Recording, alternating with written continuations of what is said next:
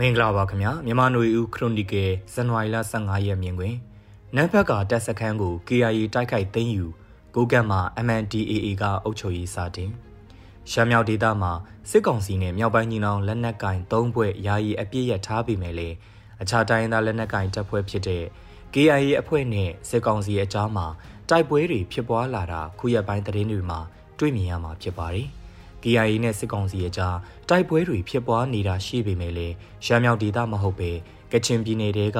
ဖားကန့်လူဝိုင်းမော်လိုင်ဇာသွားတဲ့လမ်းပေါ်ကစခန်းတွေမှာဖြစ်ပွားနေတာဖြစ်ပြီးရှမ်းမြောက်ဒေသကော့ခိုင်လူဒေသတွေမှာတော့ခုရက်ပိုင်းမှာဖြစ်ပွားလာတာဖြစ်ပါတယ်။ပြီးခဲ့တဲ့နှစ်လကျော်ကာလအတွင်းမှာရှမ်းပြည်နယ်မြောက်ပိုင်းတခွင်ဖြစ်ပွားနေတဲ့လက်နက်ကင်တိုက်ပွဲတွေထဲမှာတော့ KIA တပ်တွေနဲ့စစ်ကောင်စီတပ်တွေတိုက်ပွဲဖြစ်တဲ့တဲ့င်းတွေတဲ့ရှာရှာပါပါ နမ်ဘတ်ကာကိုတိုက်ခိုက်တဲ့တဲ့င်းကိုဒီဇင်ဘာလ30ရက်နေ့ဝန်းကျင်မှာတွေ့ရတာကလွဲပြီးအခြားတိုက်ခိုက်မှုတဲ့င်းမတွေ့ရသလောက်ဖြစ်ပြီးခုရက်ပိုင်းမြောက်ပိုင်း၃ဖွဲ့နဲ့စစ်ကောင်စီယာယီအပြည့်ရထားပြီးနောက်မှာကိုခိုင်မြို့နယ်တဲကနမ်ဘတ်ကာက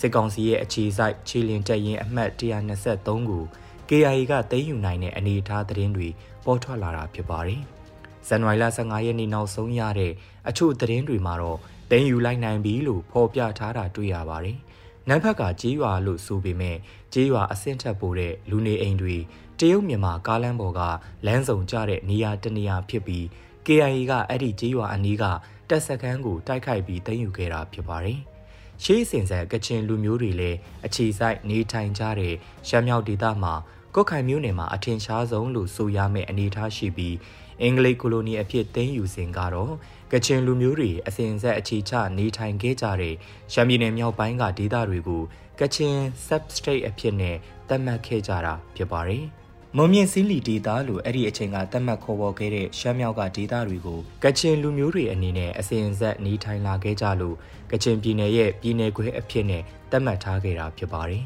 ။အခုလိုရှမ်းမြောက်ဒေသမှာ တိုင်းရင်းသားလက်နက်ကိုင်အဖွဲ့တွေကစစ်ကောင်စီတပ်တွေကိုတိုက်ခိုက်ပြီးနေမြေထိန်းချုပ်ကအုပ်ချုပ်ကြမဲ့အနေအထားမျိုးရောက်လာချိန်မှာလူမျိုးစုအလိုက်အစဉ်အဆက်အခြေချနေထိုင်လာတဲ့အပေါ်မူတည်ပြီးတော့တိုင်းရင်းသားလက်နက်ကိုင်အဖွဲ့တွေအကြားသဘောတူနားလည်မှုတွေရှိဖို့အရေးကြီးတဲ့သဘောလည်းဖြစ်ပါတယ်။ရှမ်းမြောက်ဒေသတရုတ်နိုင်ငံနဲ့နန္ဒမေချင်းထိဆက်နေတဲ့မုံကိုလိုဒေသမျိုးမှာလည်းကချင်လူမျိုးအများအပြားနေထိုင်ကြပြီးကချင်လက်နက်ကိုင်လှုပ်ရှားမှုတွေရှိခဲ့ကြတဲ့ဒေသဖြစ်ပါတယ်။ တိုင်းသားလက်နက်ကိုင်အဖွဲ့တွေအနေနဲ့၎င်းတို့လူမျိုးစုတွေနေထိုင်ကြတဲ့ဒေသတွေမှာတိုက်ပွဲတွေဖြစ်ပွားပြီးအနိုင်ရတဲ့အခါနေမြေသိမ်းယူအုပ်ချုပ်ကြတာတဘာဝဖြစ်ပေမဲ့လေလက်နက်ကင်တိုက်ခိုက်တဲ့အဖွဲ့နဲ့လူမျိုးချင်းမတူကြတဲ့တိုက်ခိုက်ရေးတပ်သားတွေစစ်ပွဲတွေမှာတိုင်းရင်းသားလူမျိုးစုတွေအကြားညှိနှိုင်းမှုနဲ့နားလည်မှုတွေရှိကြဖို့လည်းအရေးကြီးတာဖြစ်ပါတယ်။တိုင်းသားလူမျိုးစုတမျိုးမကနေထိုင်နေကြတဲ့ရှမ်းမြောက်ဒေသလူမျိုးမှာ ဒီလိုနားလည်မှုကအရေးပါတာဖြစ်ပါတယ်။နမ်ခမ်းလူရှမ်းပြည်နယ်ကချင်ပြည်နယ်ထိဆက်ရာရွှေလီမြစ်တာချားတဲ့တရုတ်နိုင်ငံနဲ့နနမိတ်မြို့ကုန်းသွယ်ရေးအရာမူဆယ်လောက်အရေးမပါတော့လေတယန်စာတာနဲ့ရှမ်းမြောက်ဒေသကထွက်ကုန်တွေတင်ပို့ရာလမ်းကြောင်းပေါ်ကမြို့လိုမျိုးကိုလက်နက်ကိုင်အဖွဲ့အသီးသီးကမျက်စိကျထိန်းချုပ်လိုကြမှာအမှန်ပဲဖြစ်ပါတယ်။မကြသေးတဲ့လတွေက TNL ကနမ်ခမ်းမျိုးကိုစစ်ကောင်စီထိန်းချုပ်မှုကနေတိုက်ခိုက်သိမ်းယူခဲ့ပြီး လက်ရှိမှာ TNL ကအုပ်ချုပ်နေတာဖြစ်ပါတယ်။နမ်ခမ်းမြို့မှာကချင်လူမျိုးတွေရှမ်းလူမျိုးတွေလည်းနေထိုင်ကြတာဖြစ်ပြီးတော့ TNL ကသိမ်းယူတာနဲ့ပတ်သက်လို့ရှမ်းလူမျိုးစုလက်နက်ကင်အဖွဲ့တွေအနေနဲ့ဘဝင်မကျတဲ့အနေအထားမျိုးရှိတယ်ဆိုတော့တရားဝင်အတီးပြုဖို့မလွယ်ကူတဲ့သတင်းအစအနအချို့ပေါ်ထွက်ခဲ့တယ်လို့ကြားသိရပြီးကုတ်ခိုင်မျိုးသိမ်းယူတဲ့အခါမှာလည်းအလားတူမကျေနပ်မှုတချို့ရှိခဲ့တယ်လို့သတင်းတွေထွက်ပေါ်ခဲ့တာဖြစ်ပါတယ်။ ဒီအချက်လက်တွေအပေါ်အခြေခံပြီးဆက်ဆက်တွေးကြည့်ရမှာအခုလိုစစ်ကောင်စီနဲ့မြောက်ပိုင်းလက်နက်ကင်သုံးဘွဲ့ယာယီအပြစ်ရက်ထားချိန်မှာ KIA အနေနဲ့နံပါတ်ကစစ်ကောင်စီစခန်းကိုတိုက်ခိုက်တာလားလို့တွေးဆစရာလည်းရှိတဲ့သဘောဖြစ်ပါတယ်။ဒီနေ့အဖို့နောက်သတင်းတစ်ပုဒ်ကတော့ကိုကန်လက်နက်ကန်အဖွဲ့နဲ့ကိုကန်ပါတီတို့က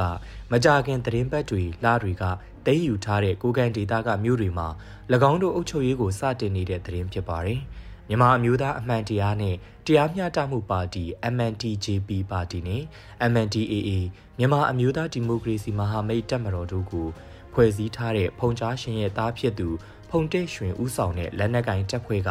ကိုကန့်ဒေသတစ်ခုလုံးကိုတင်းယူပြီးတဲ့နောက်မှာအောက်ချုပ်ရေးစတင်နေပြီလို့သတင်းတွေမှာဖော်ပြထားကြတာဖြစ်ပါတယ်။စစ်ကောင်စီထုတ်ပြန်ထားတဲ့စစ်အုပ်ချုပ်ရေးကြီးညာမှုကိုပယ်ဖျက်ကြောင်းကြီးညာလိုက်တယ်လို့သတင်းတွေမှာဖော်ပြထားတာတွေ့ရပါတယ်။ ဖုန်တဲ့ရွှင်ကိုကဲလက်နက်ကင်အဖွဲ့အနေနဲ့စစ်ကောင်စီနဲ့ယာယီအပြစ်ရထားပြီးမြဲလေဒီသဘောတူညီချက်ကဘယ်အချိန်ပြက်ပြဲသွားမလဲလို့စိုးရိမ်နေရတဲ့သဘောတူညီချက်ဖြစ်ပြီးတော့လက်တလုံးမှာတော့လေကြောင်းတိုက်ခိုက်မှုတွေထိုးစစ်တွေမရှိသေးတော့လေအချိန်မရွေးပြန်လည်ဖြစ်ပွားနိုင်တဲ့အခြေအနေမှာကိုကန့်အဖွဲ့အနေနဲ့၎င်းတို့အုပ်ချုပ်ရေးကိုစတင်ပြီးအခြေအနေတွေတည်ငြိမ်အောင်ကြိုးစားနေတဲ့သဘောလေးဖြစ်ပါတယ်ခင်ဗျာ။